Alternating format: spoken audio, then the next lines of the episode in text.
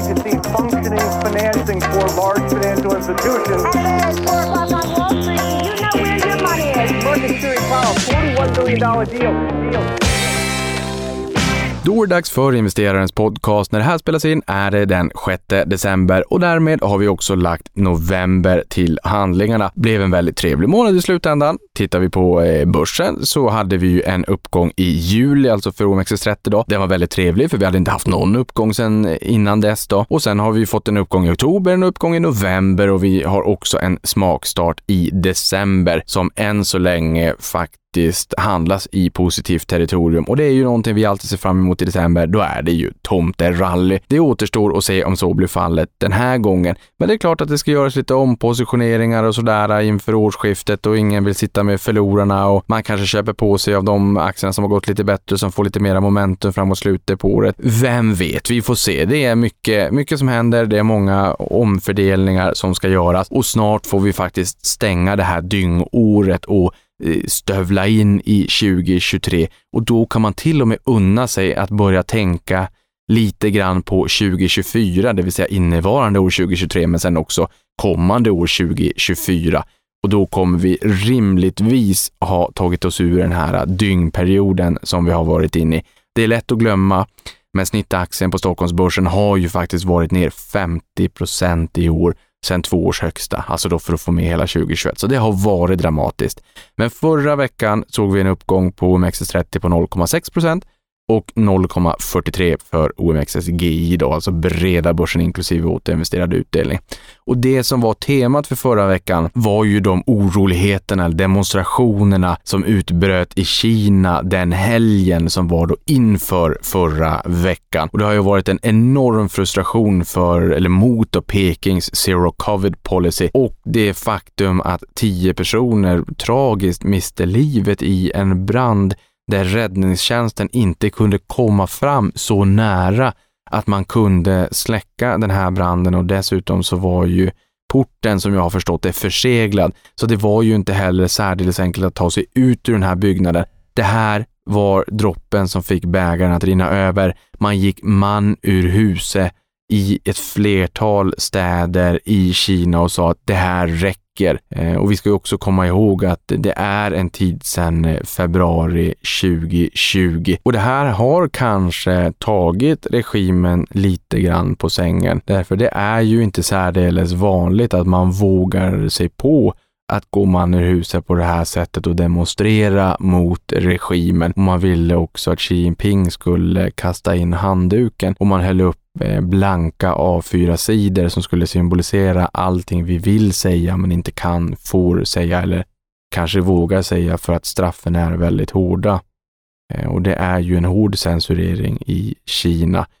Eh, men här har vi ju sett att man faktiskt har backat. Dels så har man backat på krav om negativa covid-test i kollektivtrafiken, både i Peking och Shenzhen. Och sen vet jag också att man har backat eh, fler, flera andra krav då eh, på eh, bland annat då negativa covid-test runt om. Så att jag menar handlingsfriheten i ens vardag, i ens liv har faktiskt ökat lite grann på senare tid. Sen kan man ju också fundera på, jag menar Kina menade ju på att de gjorde rätt och att väst gjorde fel. Nu känns det väl som att vi har gått tillbaka till någon form av normalitet igen, även om eh, pandemin inte är över och eh, smittspridningen fortfarande existerar, men att vi har lärt oss att hantera det här. Frågan är ju om Kina har mycket av det här jobbiga framför sig och det är ju en lite läskig tanke att fundera kring vad, vad kommer det här innebära? Eh, och man menar ju där, och här ska jag verkligen hålla tungan rätt i mun i och med att jag är ett blåbär, men att man kanske då inte har den här äh, flockimmuniteten i Kina som vad vi har i, i stora delar av resten av världen och, och, vad det kan tänkas innebära helt enkelt för Kina framåt. För att man har ju ett vaccin, men där vad man kan läsa sig till så ja, sägs det ju att det inte är lika effektivt som våra västerländska mRNA-vaccin från bland annat Moderna och Pfizer-Biontech. Jag tycker att det var lite grann av ett tecken i tiden när man ändå Ehm, efter att ha träffat eh, Olaf Scholz då, att tyska expats skulle få vaccinera sig då med de här eh, vaccinen då från, jag vet inte, jag tror att det var Pfizer Biontech. Jag tycker att det var lite intressant signalvärde ändå. Jag antar att man från kinesiskt håll vill backa eh, från de här hårda reglerna, den här hårda hållningen, men att man ändå inte vill tappa ansiktet. Så frågan här är ju, hur kommer man agera framåt och kommer man att ta hjälp av västerländska vaccin eller inte? Eh, och sen eh, finns det ju en annan fundering i marknaden också. Det är ju hur eh, Kinas återöppning kommer att påverka inflationen också som härjar där ute och som centralbankerna i stor utsträckning nu försöker bekämpa eh, och då genom att eh, ganska rejält höja räntorna, vilket också har sänkt börsen. Och det är ju klart att eh, Kina, liksom oss andra, måste få gå tillbaka till någon form av normalitet och dessutom så ska vi säga att de är ju ganska produktiva, eh, vilket innebär att de även bidrar med en deflationistisk eh, vind på global eh, försörjningsmarknad, inte minst kanske kan arbeta för att få bort eh, utmaningar i försörjningskedjor, komponentbrist och en del av halvledarbristen. Så, Eh, för det här har vi ju kämpat med under ganska lång tid, men sen kommer ju mycket efterfrågan tillbaka också i marknaden, vilket förmodligen kommer driva priser på energi, olja och basmetaller och ehm, alla möjliga typer av, av råvaror. Så det adderar ju naturligtvis en extra osäkerhetsfaktor inför 2023. Hur kommer det här att påverka och kommer vi få en andra våg av inflation? Och hur kommer centralbankerna då att agera? Men det är väl det som är spännande med marknaden också. Vi vet inte eh, vad som ska hända. Vi vet knappt vad som händer imorgon eh, och vi kommer inte heller mm, kunna mm, ha facit i alla fall på, på vad som kommer hända med inflationen och när Kina återöppnar annat än att eh, eh, det är bra att de går den, den vägen också. Det ska man ju göra tids nog. Och det här har ju skapat ett eh, börsrally faktiskt, eh, får man väl ändå säga, i Kina och att det har skapat en, en ökad optimism. Vi såg även i början av den här eh, veckan att eh, Hongkong steg över 4 procent här på måndagen Eh, just för den här förnyade optimismen då kring en återöppning och minskade pandemirestriktioner och Hang Seng Tech Index steg över 8 procent, så det var ju ändå rejält med fart under eh, galoscherna. Och sen har ju även Stockholmsbörsen pinnat på ganska bra. OMXS30 är blott ner 9 procent sedan årsskiftet och OMXSGI 19 procent ner. Så de 30 mest omsatta aktierna och ofta de större bolagen har ju klarat sig rejält mycket bättre än vad breda börsen har gjort. Och ett narrativ som inte har satt sig i marknaden, det är ju faktiskt att snittaktien på Stockholmsbörsen har stigit nästan 40 procent, inte långt därifrån sen botten. Ehm, det är väl kanske lite grann som att strö salt i såren om det som har varit med under hela året och man kanske ligger kraftigt minus, men det är ändå så att nya pengar som allokerats in i marknaden har fått en smakstart ehm, och en drivare till det här, det är ju också sentimentet på börsen, att man tänker att inflationen ser ut att bromsa in.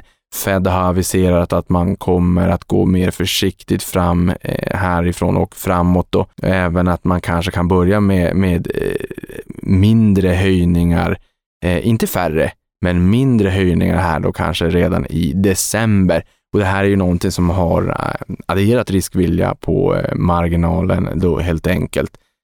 Men sen fick vi ju en sysselsättningssiffra dock i fredags, alltså non-farm payroll, som kom in starkare än väntat och skapade en gungning i marknaden. Det, det stökade till, det var rätt volatilt eh, där när den här siffran kom in och säkert efterföljande 5, 10, 15 minuter någonting. Eh, men börsen hämtade sig ju igen och här skapades 263 000 jobb, vilket var lägre än tre månaders snittet på 282 000 och betydligt lägre än snittet under året på 392 000, men högre än förväntat. Och det är ju det, marknaden handlar ju alltid på förväntan. Så att eh, man ville att den där skulle komma in lite lägre. Nu kom den in lite högre. Man oroar sig om det är så att Fed kommer att ta intryck av den. Men i år har vi pratat väldigt mycket inflation och då är det också väldigt viktigt att betänka just att det finns en eftersläpning i ehm, i, i hur centralbankerna agerar, så höjer de räntan väldigt kraftigt, så tar det en tid innan det här fortplantar sig ut i systemet. Så det gäller ju också att ha en fingertoppskänsla så att man inte ser att ekonomin tvärnitar där längre fram. Då måste man ju snarast rycka ut och eh, stimulera ekonomin istället. Så det, det är en balansgång. Men sen har ju det här också påverkat räntemarknaden. Tittar vi på den amerikanska tioåringen som har varit tottenpolen för techsektorn så toppade den på 4,33 procent den 21 oktober och nu när jag kollade bara för några dagar sedan så var den ner på 3,50. Så vi har haft en ganska snabb nedgång på tioårsräntan, så upp på de korta räntorna, men där man då tror att det här kommer addera så pass stor broms på ekonomin att den ekonomiska aktiviteten bromsar in och då ser vi långräntorna falla tillbaka. Så att vi har ju ett inverterat förhållande på den amerikanska yieldkurvan.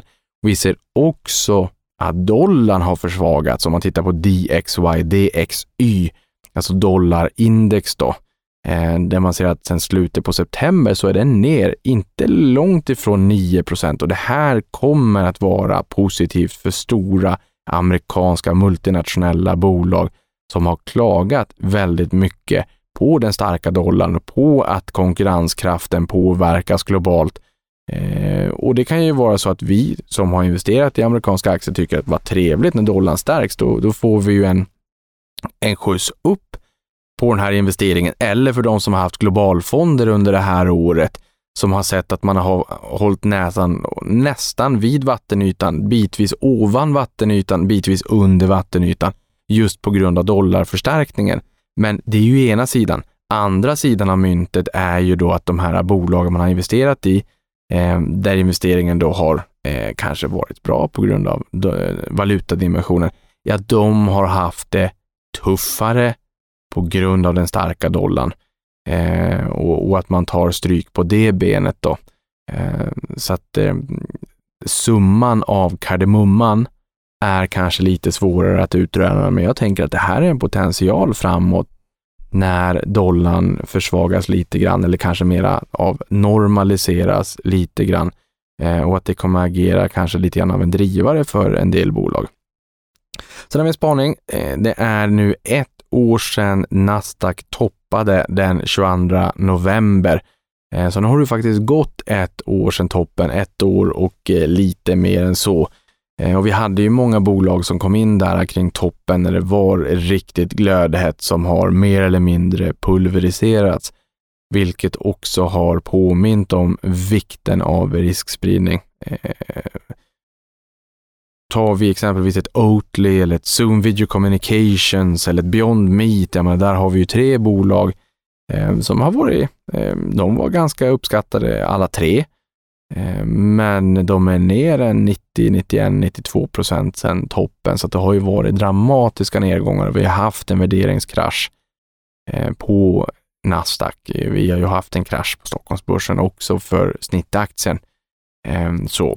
En annan rolig nyhet är att Avanza vann SKI för Sveriges nöjdaste sparare för trettonde året i rad. Blev officiellt här i måndags.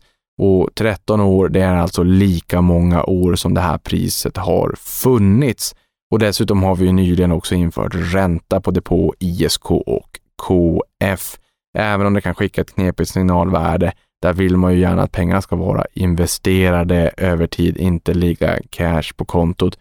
Um, så, men det är ändå trevligt att man har en inlåningsränta. Och sen det här med inflationen, att inflationen faller tillbaka och att centralbankerna kanske kan lätta på foten lite grann från räntebromsen fick vi ytterligare tecken på när inflationen i eurozonen, alltså inflationstakten, föll för första gången på 17 månader. Eh, fick vi veta här under förra veckan. Och med de orden tänker jag att eh, nyhetssvepet uteblir den här veckan.